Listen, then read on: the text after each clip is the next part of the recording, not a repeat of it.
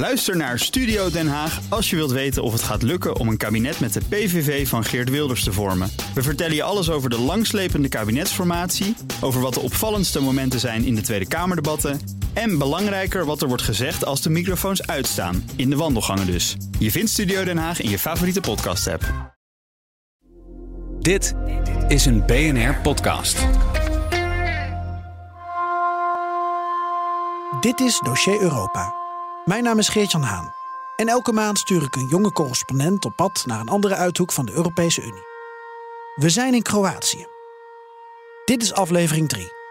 Politiek grenzenspel. Dear friends, welcome to the European Union. Dobro došli u Europsku uniju. Thank you. Applaus en vuurwerk. Eindelijk, na jaren onderhandelen, mag Kroatië bij de Europese Unie. Het is groot feest op het centrale plein in de hoofdstad Zagreb, met traditionele optochten en muziek. Aan de grens haalt de minister van Financiën de borden voor douanecontrole weg en de Europese vlag wordt gehesen. De toenmalig president Ivo Josipovic speelt speciaal voor deze gelegenheid het Europese volkslied op de piano. Hij is blij en ziet de kansen voor het oprapen. EU is not bringing many presents just to open them and to enjoy. Uh, it's uh, new opportunities and it's up to us to, to take advantage of them. Dit was tien jaar geleden. Op 1 juli 2013 werd Kroatië officieel lid van de EU. Met dit land als voorbeeld vertel ik het verhaal over uitbreiding van de Europese Unie. Want wat heeft het lidmaatschap Kroatië gebracht? Zijn mensen er blij mee? Is het land erop vooruit gegaan? En hoe staat het met de huidige plannen voor uitbreiding van de EU? De afgelopen tien jaar is er namelijk geen enkel land meer toegelaten. Sterker nog, er zitten op dit moment negen landen in de wachtkamer. Ze willen wel bij de Europese Unie, maar de EU houdt haar deuren gesloten. EU-uitbreiding is meer en meer een politiek spel geworden, waarin individuele belangen boven de belangen van het collectief lijken te staan. Mijn naam is Marjolein Koster en ik neem je mee naar Kroatië.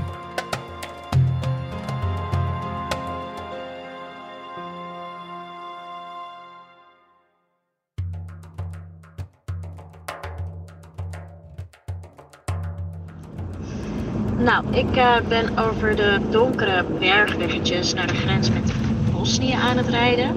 Specifiek de grensovergang Maljevat. Want ik heb gehoord dat daar veel problemen zijn. Sinds Kroatië begin dit jaar lid is geworden van Schengen, is dat dus de buitengrens van Schengen geworden.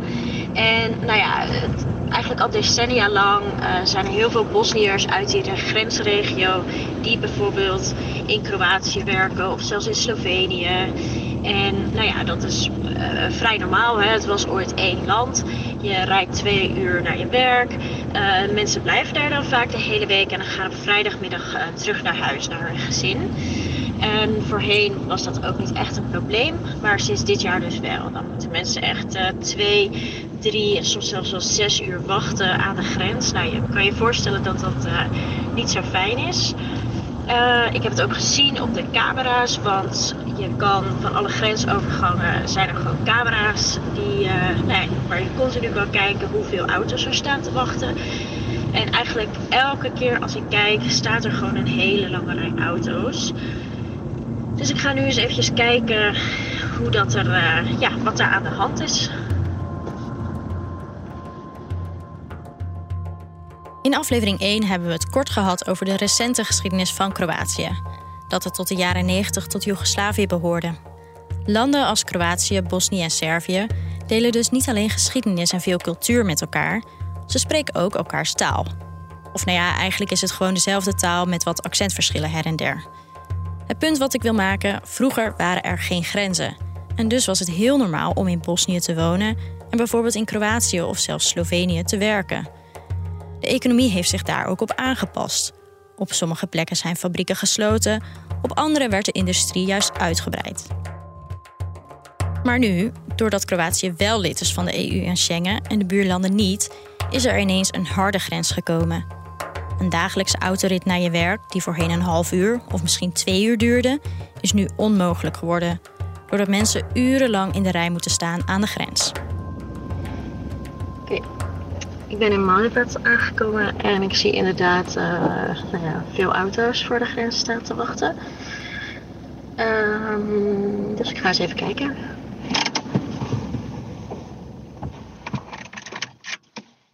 Ik heb aan de andere kant van de grens afgesproken met journalist Mersat uit Velika Kladuša.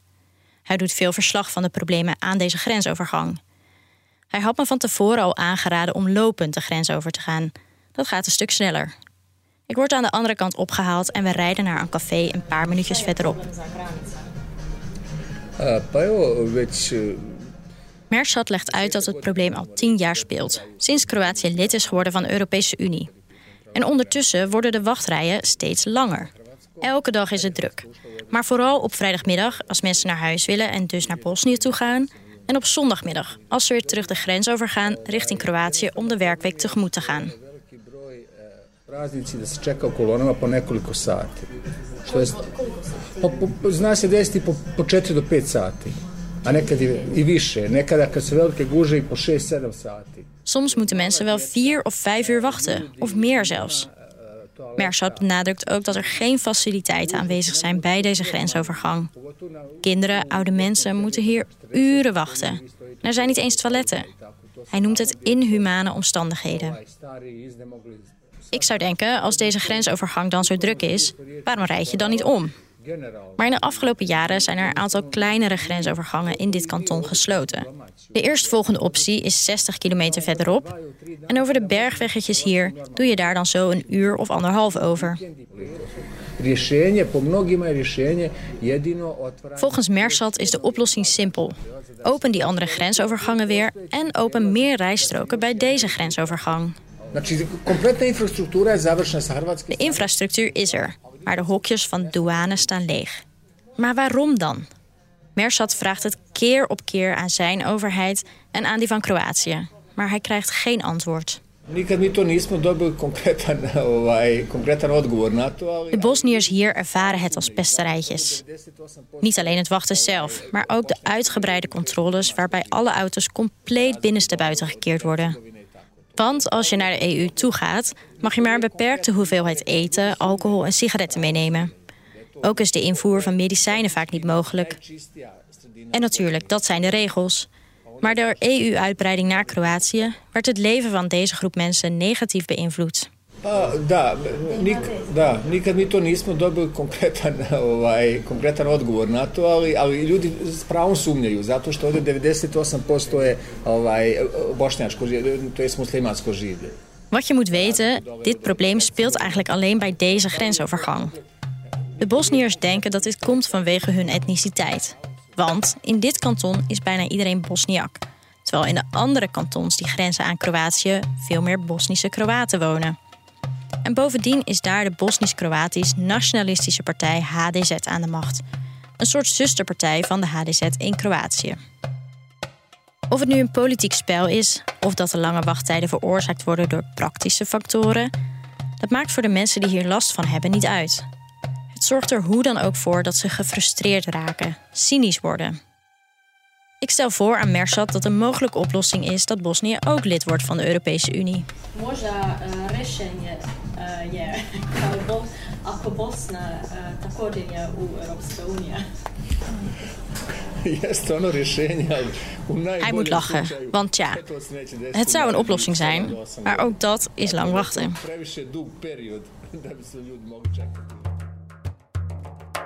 Daarnaast staat de situatie aan deze grensovergang misschien wel symbool voor iets groters. Het is een voorbeeld van hoe moeizaam de relatie verloopt tussen de landen op de Balkan en tussen landen uit de Europese Unie en degenen die nog in de wachtkamer zitten.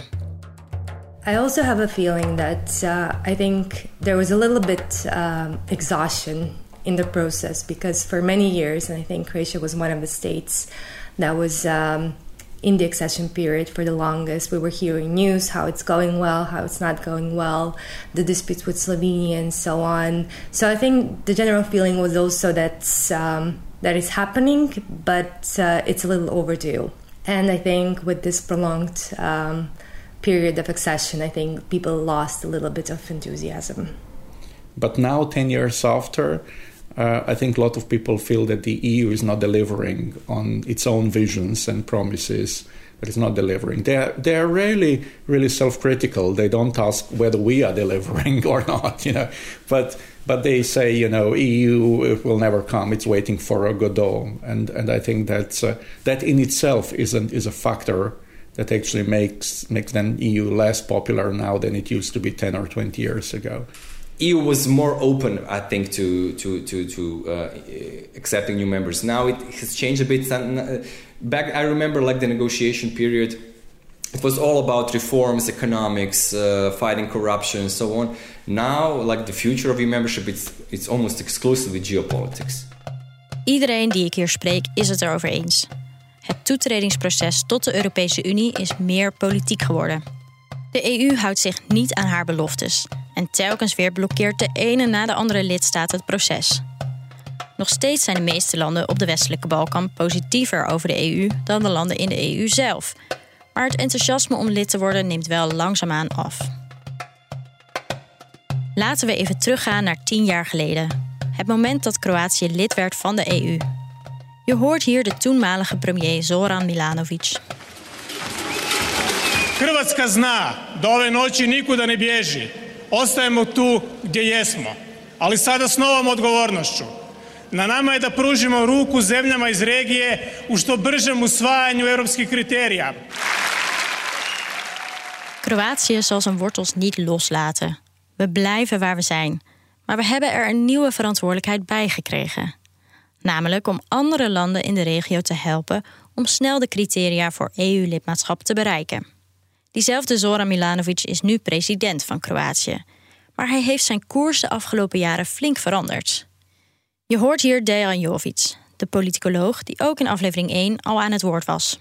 What we see now is, in fact, uh, for example, the president of Croatia uh, really not acting as the force of unification, but rather as, a, as somebody who wants to promote new actors in Croatian politics uh, quite often against the government itself, uh, which is still whole, uh, uh, which is still led by Croatian Democratic Union. The paradox of Croatian policy, uh, especially foreign policy, is that it, by joining the EU, it actually declared that it has left the Western Balkans. So the issue is how can you actually be an influential force in the area that you have actually happily um, departed from. Milanovic is van de SDP, de Sociaal-Democratische Partij. Hij wordt door sommigen een populist genoemd en heeft zich in de afgelopen jaren regelmatig negatief uitgelaten over buurlanden Bosnië en Servië. Well, Croatia genuinely supports uh, further enlargement of the European Union, but it doesn't want it to happen fast, or certainly not now. Um, it wants to use this process of EU accession um, to its own uh, benefit. Um, so that it actually gains some specific Croatian national objectives uh, with regard to Bosnia and in Serbia in particular. Want zoals Kroatië zelf eerst een geschil met Slovenië moest oplossen om lid te worden van de EU, speelt Kroatië nu hetzelfde spel richting haar buurlanden. Zo dreigde Milanovic de toetreding van Finland en Zweden tot de NAVO te blokkeren. Hij wilde dat de kieswet in Bosnië zou worden aangepast. Op zo'n manier dat de Bosnische Kroaten meer macht krijgen. Terwijl een kieswet nou juist iets is wat bij interne politiek hoort. Inmiddels is die kieswet in Bosnië ook aangepast, mede door de krachtige lobby vanuit Kroatië. En ook richting Servië heeft Kroatië meerdere eisen. When it comes to Serbia, they demand a complete change of narratives about the 1990s, previous wars. Uh, they also demand full cooperation in resolving the issue of missing persons from that war, which are still about 1,400, of whom half are Serbs and half are Croats. Um, and some of these tasks are impossible because, unfortunately, it's very difficult to resolve all issue of all missing persons after any war. Um, so basically, you know, this is almost an impossible demand. You know, when it comes to this, it also uh, wanted uh, more involvement and in, uh, enhanced status for Croat minority in Serbia, which it achieved to a large degree by inclusion of a Croat representative in government of, of Serbia. But uh, uh, I think that that's it. It's all related really about the 1990s and the war of the 1990s. De landen uit voormalig Joegoslavië hebben nog een lange weg te gaan. Er is totaal geen consensus over de verschillende oorlogen uit de jaren 90. En dat staat niet alleen het proces voor EU-toetreding in de weg. Het zorgt er ook voor dat deze landen stagneren in hun ontwikkeling tot een democratische rechtsstaat. En ook zijn er nog altijd zorgen over de stabiliteit in de regio. I think there is a long shadow of the disintegration of Yugoslavia, which has actually left many countries here unfinished or with a sense of being unfinished. Uh, and with some uncertainty because this could have happened if, if, this could have happened in the 1990s that one relatively prosperous stable country as yugoslavia was collapsed relatively quickly and then opened the doors for you know horrible atrocities with 120,000 people being killed croatia talks about the war of the 1990s pretty much all the time it still not only commemorates but it celebrates this as the brightest uh, moment of its past.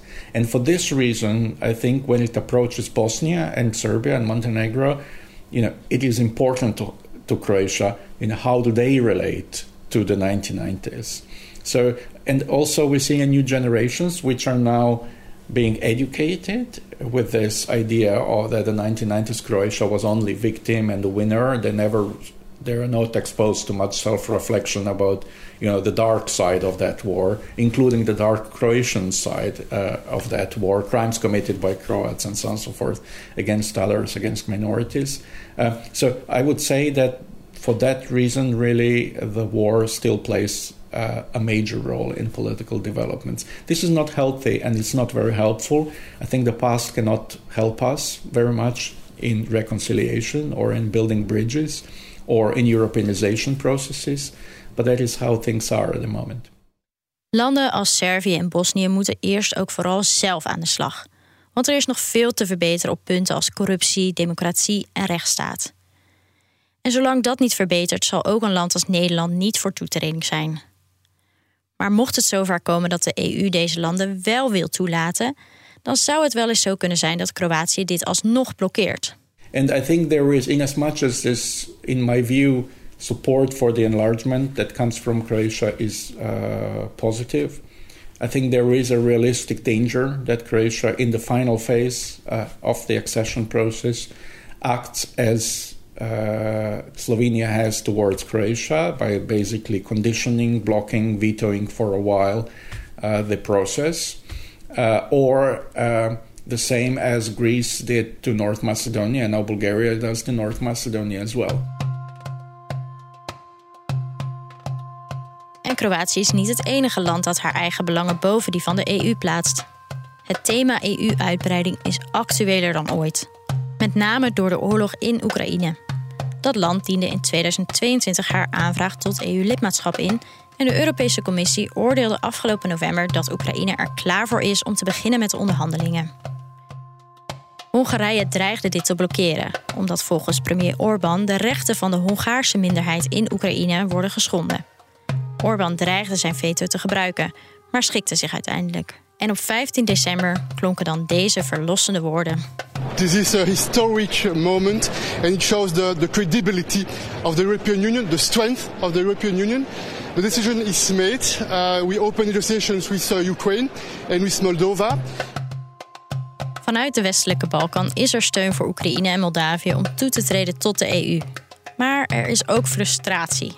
Want waarom kan het nu ineens wel zo snel gaan? Even ter vergelijking. Noord-Macedonië diende bijna 20 jaar geleden haar aanvraag tot lidmaatschap in. Eerst werd het proces geblokkeerd door Griekenland. Die wilde dat Macedonië haar naam veranderde, omdat er ook een Griekse regio is die Macedonië heet. En dus werd de nieuwe naam van het land Noord-Macedonië. Vervolgens begon Bulgarije. Die vindt dat het Macedonisch geen taal is, maar een dialect van het Bulgaars. Deze disputen zijn inmiddels opgelost, maar het laat zien hoe politiek het EU-toetredingsproces is geworden. De Balkan staat bekend om haar zwarte humor. En de Albanese premier Edi Rama gebruikt dat dan ook maar om met de situatie om te gaan. I was looking and I was saying, okay, who should attack who in this panel to get the membership faster with Ukraine? And uh, Bulgaria can easily attack North Macedonia, by no doubt. Uh, Croatia can easily attack Serbia. Serbia can easily attack Kosovo. Bosnia can attack itself, no problem. Uh, we, I'm sure, if we ask the Greeks to do us the favor, they'll attack us with pleasure. Montenegro can play that in the beach. And so we can be all ready to join the train with Ukraine. Met andere woorden, misschien moeten we ook maar oorlog gaan voeren. Misschien kunnen we dan de EU ervan overtuigen dat toetreding tot de Unie noodzakelijk is om stabiliteit in de regio te krijgen. En oorlog op de Balkan voeren is natuurlijk niet zo moeilijk, grapt Rama. Maar zo grappig is het eigenlijk niet. Want de oorlogen uit de jaren 90 met meer dan 100.000 doden staan bij veel mensen nog scherp op het netvlies. En juist daarom, zegt de politicoloog Jovic, moet de EU vaart maken met die uitbreiding. I think it would be much wiser to group these countries of the Western Balkans in one group and all to of them?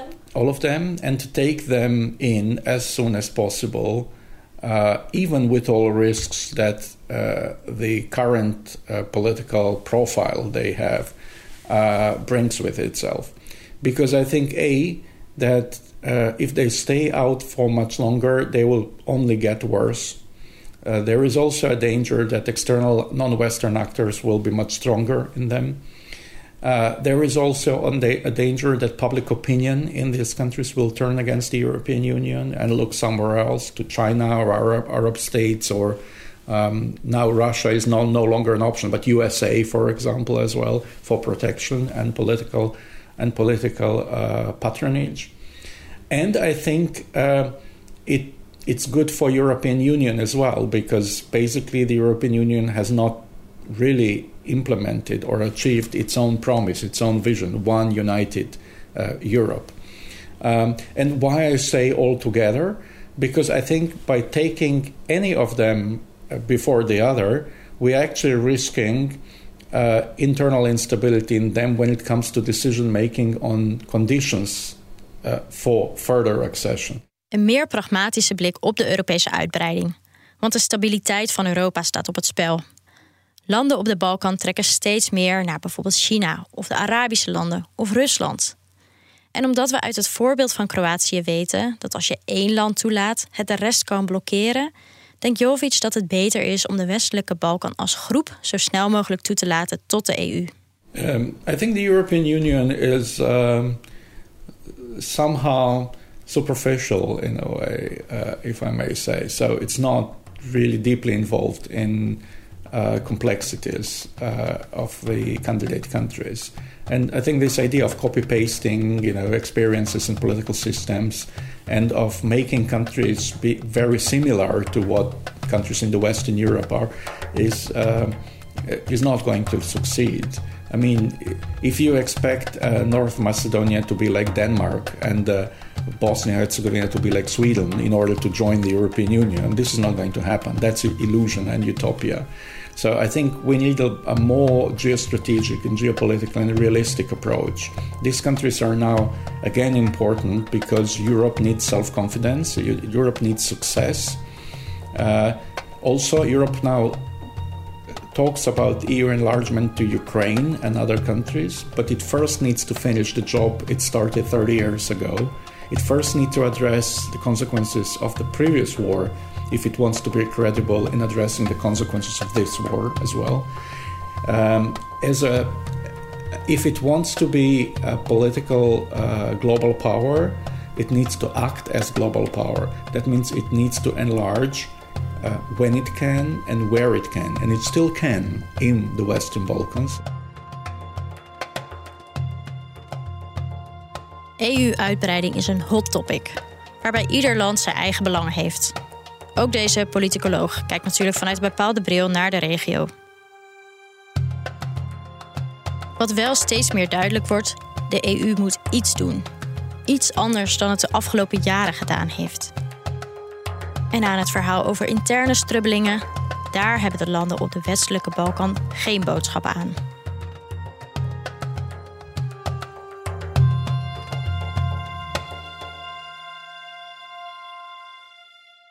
Dit was de laatste aflevering uit de drieluik van dossiervreter Marjolein Koster. Over Kroatië. Volgende week in aflevering 4 praat ik hierover door met Reinier Jaarsma, politiek expert en Balkankenner. Abonneer je op Dossier Europa en mis niets.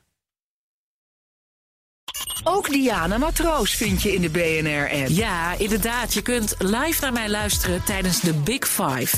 Ook handig in de BNR-app. Breaking nieuwsmeldingen, maar ook het allerlaatste zakelijke nieuws. En je vindt in de app alle BNR-podcasts, waaronder Wetenschap Vandaag. Download nu de gratis BNR-app en blijf scherp.